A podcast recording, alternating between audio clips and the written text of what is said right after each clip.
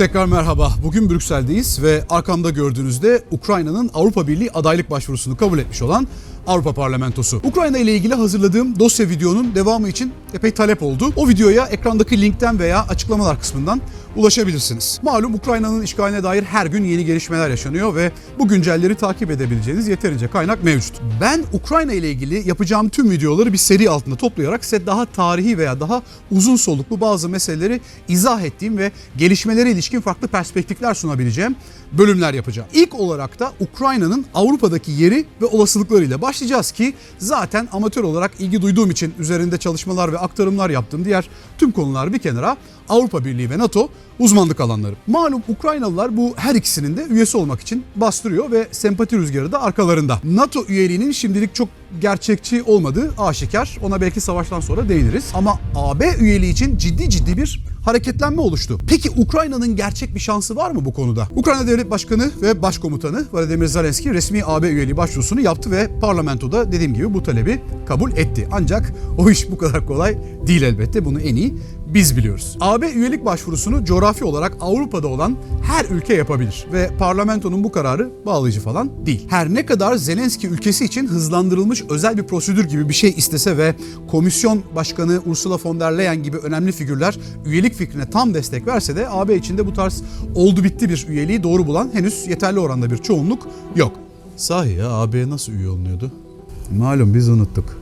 Üyelik süreci oldukça çetrefilli fakat bazı durumlarda bazı halklar için özel prosedürler hiç işletilmedi değil. Doğu Almanyalılar bir gecede oluverdi mesela. Veya örneğin İskoçya Birleşik Krallık'tan ayrılacak olsa üyelik süreci formaliteden ibaret olurdu ve belki bir yıl gibi bir sürede tamamlanırdı. Yani süreç normalde çetrefilli ama bu biraz kim olduğunuza, ekonominize, nüfusunuza, kültürel uyumunuza gibi başka şeylere de bağlı. Ukrayna AB açısından coğrafi ve kültürel olarak sorunlu görünmese de ne ekonomisi ne de reformları yeterli. Dolayısıyla normal bir prosedür işleyecek olsa çok uzun yıllar alırdı. Bunun da ötesinde ülkeler bireysel olarak sıkıntılar çıkarabiliyorlar. Rumların Türklere, Yunanların Makedonlara ya da Slovenyalıların Hırvatlara çıkarmış olduğu gibi. Hali hazırda üye olanlar bu avantajlı konumlarını kullanmaktan çekinmiyorlar haliyle. Şu an aktif olarak fasılları müzakere eden 3 aday var. Karadağ, Sırbistan ve Türkiye. Müzakere statüsü kabul edilmiş ancak henüz aktif müzakereye geçmemiş de iki aday var. Arnavutluk ve Kuzey Makedonya. Aktif müzakere edenlerin hepsiyle ilgili ciddi sıkıntılar var. AB'nin genişleme süreci de facto olarak askıya alınmış vaziyette. Aralarında en eski olanı da biziz. Ta 1987'den bu yana bu sürecin içindeyiz ve tünelin ucu da görünmüyor. Neyse biz tekrar Ukrayna'ya dönelim. AB üyelik süreci aday ülkeyi AB'nin demokratik, ekonomik ve sosyal standartları ile aynı düzleme ya da en azından aynı paralelde raya oturtmak için kurgulanmış bir prosedür. Bu şekliyle 4 aşama var. Başvuru, adaylık, müzakere ve üyelik. Adı müzakere süreci diye geçer ama aslında aday ülkenin müzakere edebileceği tek şey fasılları tamamlamak adına ihtiyaç duyduğu süre olabilir. Bunun dışında bir al gülüm ver gülüm yok. Yani herhangi bir müzakere falan yok aslında. Ukrayna için başvuru aşaması tamamlandı. Parlamento kabul etti ama şimdi komisyonun değerlendirip konseye kendi önerisini sunması lazım. Müzakereler başlamalı veya başlamamalı denilecek ve muhtemelen ülkeye moral kazandırmak adına bu öneri olumlu yönde olacak. Konseyde 27 ülke liderleri bu öneriyi de dikkate alarak bir karar verecekler ve muhtemelen tüm bu süreç mümkün olduğu kadar yavaş işleyecek ki Ukrayna halkının moralini ve şevkini bozabilecek olan nihai karar şu haftalarda çıkmasın. Konsey kararının da olumlu çıkması zor çünkü parlamentoda basit çoğunluk yeterliydi ama konseyde bir ülke bile hayır dese olmuyor. Ama bu da tamam diyelim. Bitti mi?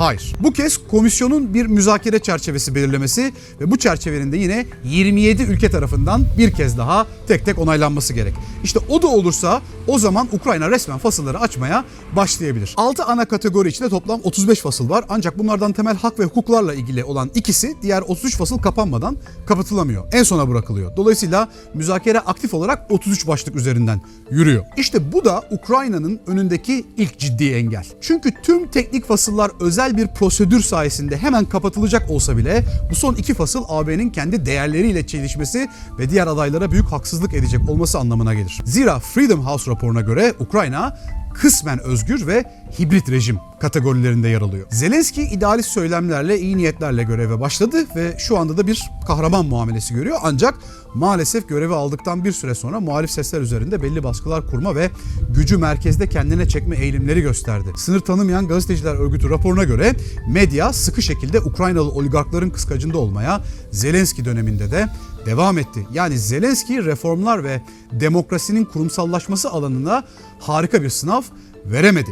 Üstelik birkaç skandala karıştı. Pandora Papers olayında kendisinin ve eski ortağının adı geçti örneğin.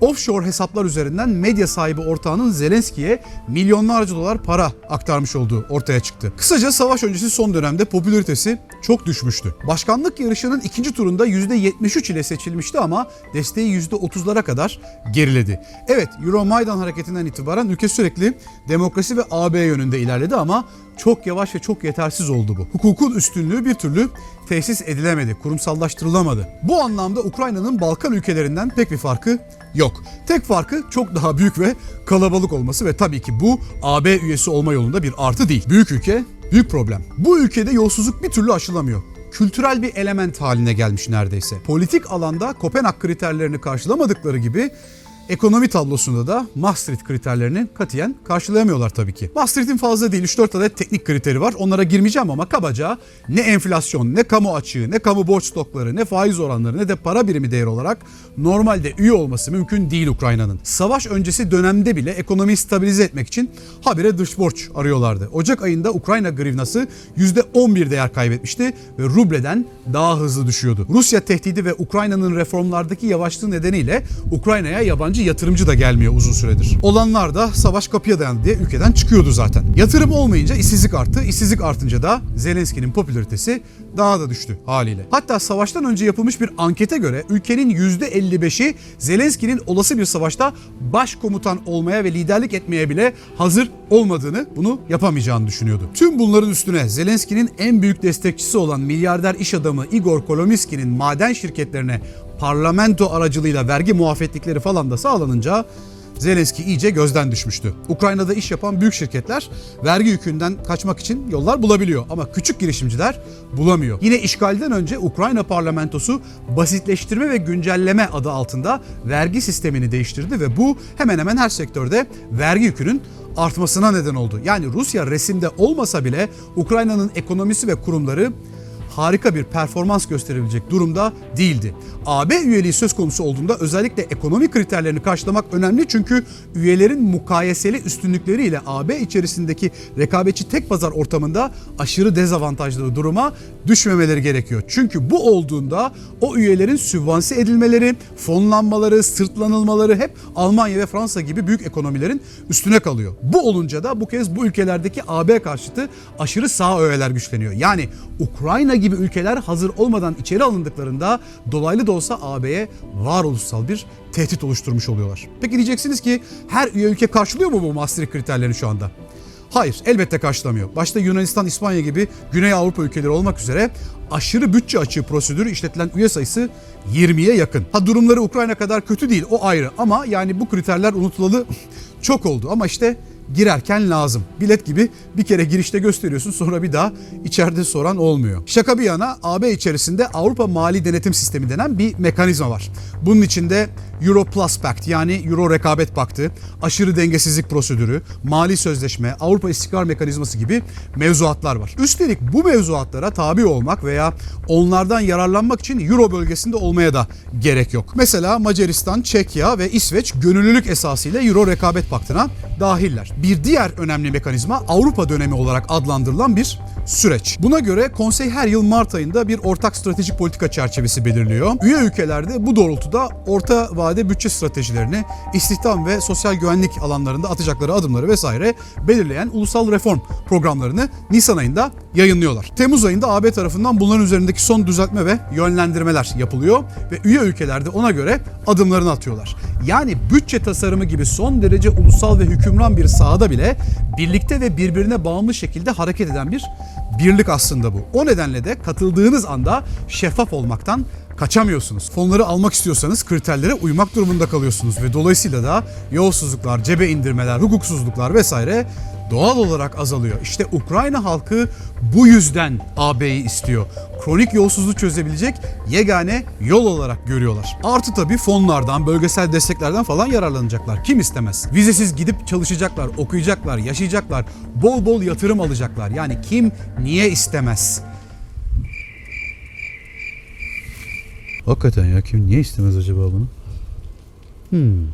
Son dönemde ihtiyaç duyan ülkelerin AB bütçesinden fon ve destek alabilmesi de hukukun üstünlüğü kriterlerinin tutturulmasına bağlandı üstelik. Bu alanda sıkıntılı olan örneğin Macaristan ve Polonya gibi ülkelere akan fonlar kesildi. E şimdi Ukrayna daha reformların uygulaması başarılı olmadan girerse bu fonlardan hemen yararlanamaz ve bu da büyük sıkıntı olur. Ukrayna halkında ciddi bir hayal kırıklığı meydana gelir ve bunun ülkede dillendirilmesi başta Rusya olmak üzere AB'nin hasımlarınca propaganda amaçlı kullanılır. O yüzden girsinler de nasıl olsa sonra AB'nin getirdiği bir takım avantajlar ve desteklerle bir şekilde idare edilir denemiyor. Ama diyelim tüm bunlarda aşıldığı, Batı'nın mali destekleriyle ülke ekonomisi de toparlandığı, 35 başlık kapatıldığı bitiyor mu?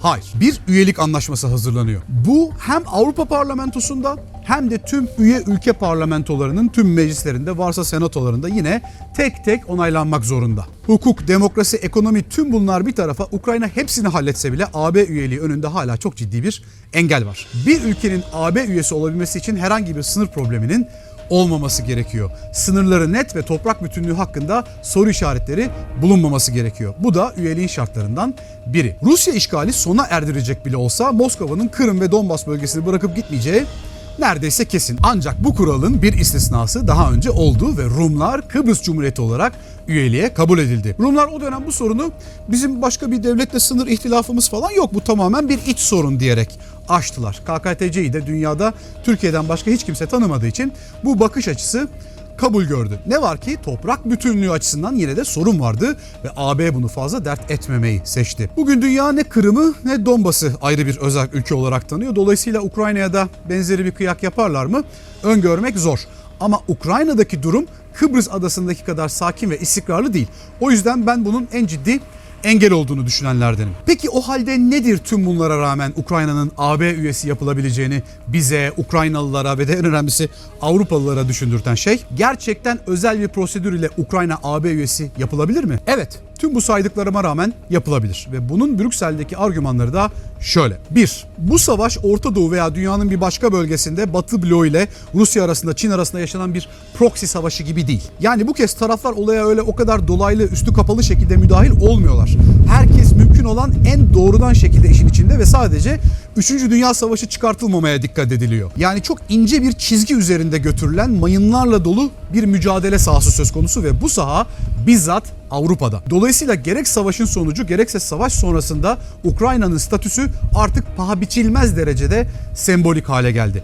Ukrayna'nın AB üyesi olması Rusya'nın net şekilde bu mücadeleyi kaybetmesi ve politik olarak da Batı'nın Rusya'ya senden korkmuyoruz demesi ve Rusya'ya haddini bildirmesi anlamına gelecek. Başka hiçbir adım veya jest bundan daha güçlü şekilde bu mesajı iletemez. 2. Ukrayna'nın AB içerisinde yer alması Rusya'ya tüm bölgede sözünü geçirme konusunda öyle bir ağırlık kaybettirir ki kendi kaderini tayin etme noktasında başka pek çok ülke bu gelişmeden tabii cesaret alır. Ve tabii otokratik rejime razı mı olalım yoksa batılı bir demokrasi için risk alıp mücadeleye devam mı edelim ikilemi yaşayan bölge ülkelerinde direnir ve hakkımızı ararsak başarabiliriz. Hissi doğar ki bu her otokratın en korkulu rüyasıdır. Batılı demokratik ve özgür bir yaşam hedefiyle yapılacak olan halk devrimlerinin tüm dünyadan destek görecek olması, o halkın saygı kazanacak olması ve neticede belki de AB veya NATO gibi organizasyonlarda yer alarak müreffeh, istikrarlı ve güçlü bir oyuncu haline gelebilecek olması inanılmaz bir pazarlama başarısı olur. Avrupa'nın yıllardır kurmaya, genişletmeye çalışıp başaramadığı o etki alanını sonunda mümkün kılar. Yani Avrupa kendi değerlerini ve yaşam tarzını çevre bölgesinde bundan daha iyi pazarlayamaz. 3. Ukrayna halkı daha federatif bir AB arzulayanların gözünde çok özel bir yere oturdu. Neden? Çünkü AB tarihinde AB bayrağı için ve o bayrağın altında insanların canını verdiği tek olay Ukrayna'daki Euro Maidan hareketi oldu. Üstelik bu halk AB içinde yer alabilmek adına bir değil tam iki defa devrim yaptı. Sırf AB ve NATO ile Batı bloğunda yer almayı bu kadar istedikleri için şimdi bir de işgal ediliyorlar. Üstelik cesur şekilde direnerek bunun içinde kan döküyorlar. Yani bu açıdan bakınca başka hiçbir halk AB'nin parçası olmayı bu kadar topyekün istemedi ve bu kadar fedakarlıkta bulunmadı. Tabi bu nedenlerden ötürü Ukrayna üye yapılırsa uzun süredir bekleyen ülkelerin halklarına biraz ayıp olabilir mi? E olabilir. Çünkü o ülkelerde de AB standartlarını ve yaşam kalitesini arzu eden çok sayıda insan var ve yeri geldiğinde kendi otokratik rejimlerine karşı onlar da protestolarını, direnişlerini gerçekleştirdiler. Ama işte bazı halkların düzeni Ukrayna'ya göre daha kurulu, daha oturmuş. Devrim gibi şeylerde kaybedecek daha çok şeyleri var. Ayrıca bazı rejimlerin gözü daha kara, daha arsızlar. O nedenle olmayınca olmuyor. Ukrayna'daki gibi somut sonuçlara, değişimlere varmayınca da halkın hakkı teslim edilmiyor. Şimdilik Ukrayna'nın AB üyeliğini ve olası hızlandırılmış bir özel prosedürü sadece Bulgaristan, Çekya, Estonya, Letonya, Litvanya, Polonya, Slovakya ve Slovenya gibi Doğu Avrupa ülkeleri açıkça savunuyor. Ama AB'nin elinde orta yolu bulabilecek bir seçenek daha var. Ukrayna'nın müzakere eden aday statüsü onaylanmasa bile Bosna Hersek ve Kosova gibi potansiyel aday statüsüne sokulabilir ve savaş devam etse dahi İPA Instrument for Pre-Accession Assistance yani katılım öncesi ekonomik yardım paketinden para almaya başlaması sağlanabilir. İPA'nın 2021-2027 dönem için belirlenmiş 14,2 milyar euroluk bir bütçesi var ve bu bütçe şu anda potansiyel ve aktif tüm adaylar arasında dağılıyor. AB hala hazırda Ukrayna için 1 milyar euronun üzerinde ekonomik yardım paketi onayladı ama daha uzun vadeli bir yol için potansiyel adaylık statüsü en mantıklı seçenek gibi duruyor. Bunun dışında tabii adaylık başvurusu konusunda şimdi kimse ama hiç kimse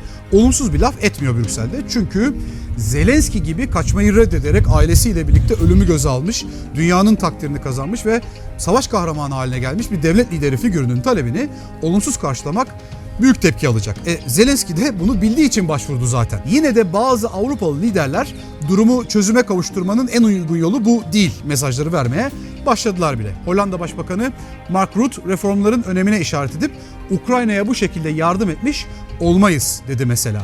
İspanyol Başbakan Pedro Sanchez benzer şekilde kriterlerin ve sürecin önemini hatırlattı. Almanya ve Fransa açısından da 41 milyon nüfuslu bir ülkenin katılımı ile kurumlardaki sandalye dengelerinin değişecek olması çok arzu edilen bir durum değil. Ancak dediğim gibi çok özel şartlar söz konusu. Peki AB sırf Rusya'ya bir ders vermek, çizgi çekmek, gövde gösterisi yapmak adına özel bir prosedürle Ukrayna'yı hadi üye yaptık demeye kalkarsa ve tüm üyeler de yaşanan gelişmelerin kamuoyunda yarattığı hissiyat nedeniyle evet diye verirse ve Ukrayna kısa sürede AB üyesi olursa bu askeri açıdan ne manaya gelir? İşte bu noktada AB anlaşmasının 42. maddesi tüm dünya için çok ciddi bir endişe kaynağı haline geliyor. Çünkü bu maddeye göre bir üye devlet silahlı işgale maruz kalırsa diğer üyelerin bu ülkeye aid and assistance by all means yani her türlü yardım ve desteği vermesi şart koşuluyor. Yani evet AB'nin de tıpkı NATO gibi bir 5. maddesi var ve AB üyelerinin çoğu NATO üyesi olduğu için NATO ülkelerinin çatışmalara çok daha doğrudan müdahil olması söz konusu olacak. Tüm açılardan bu girişimi izah etmeye çalıştım. Siz ne düşünüyorsunuz? Ukrayna AB üyesi yapılabilir mi? Yorumlarda bana yazın. Bir sonraki videoda tekrar görüşelim. Ciao.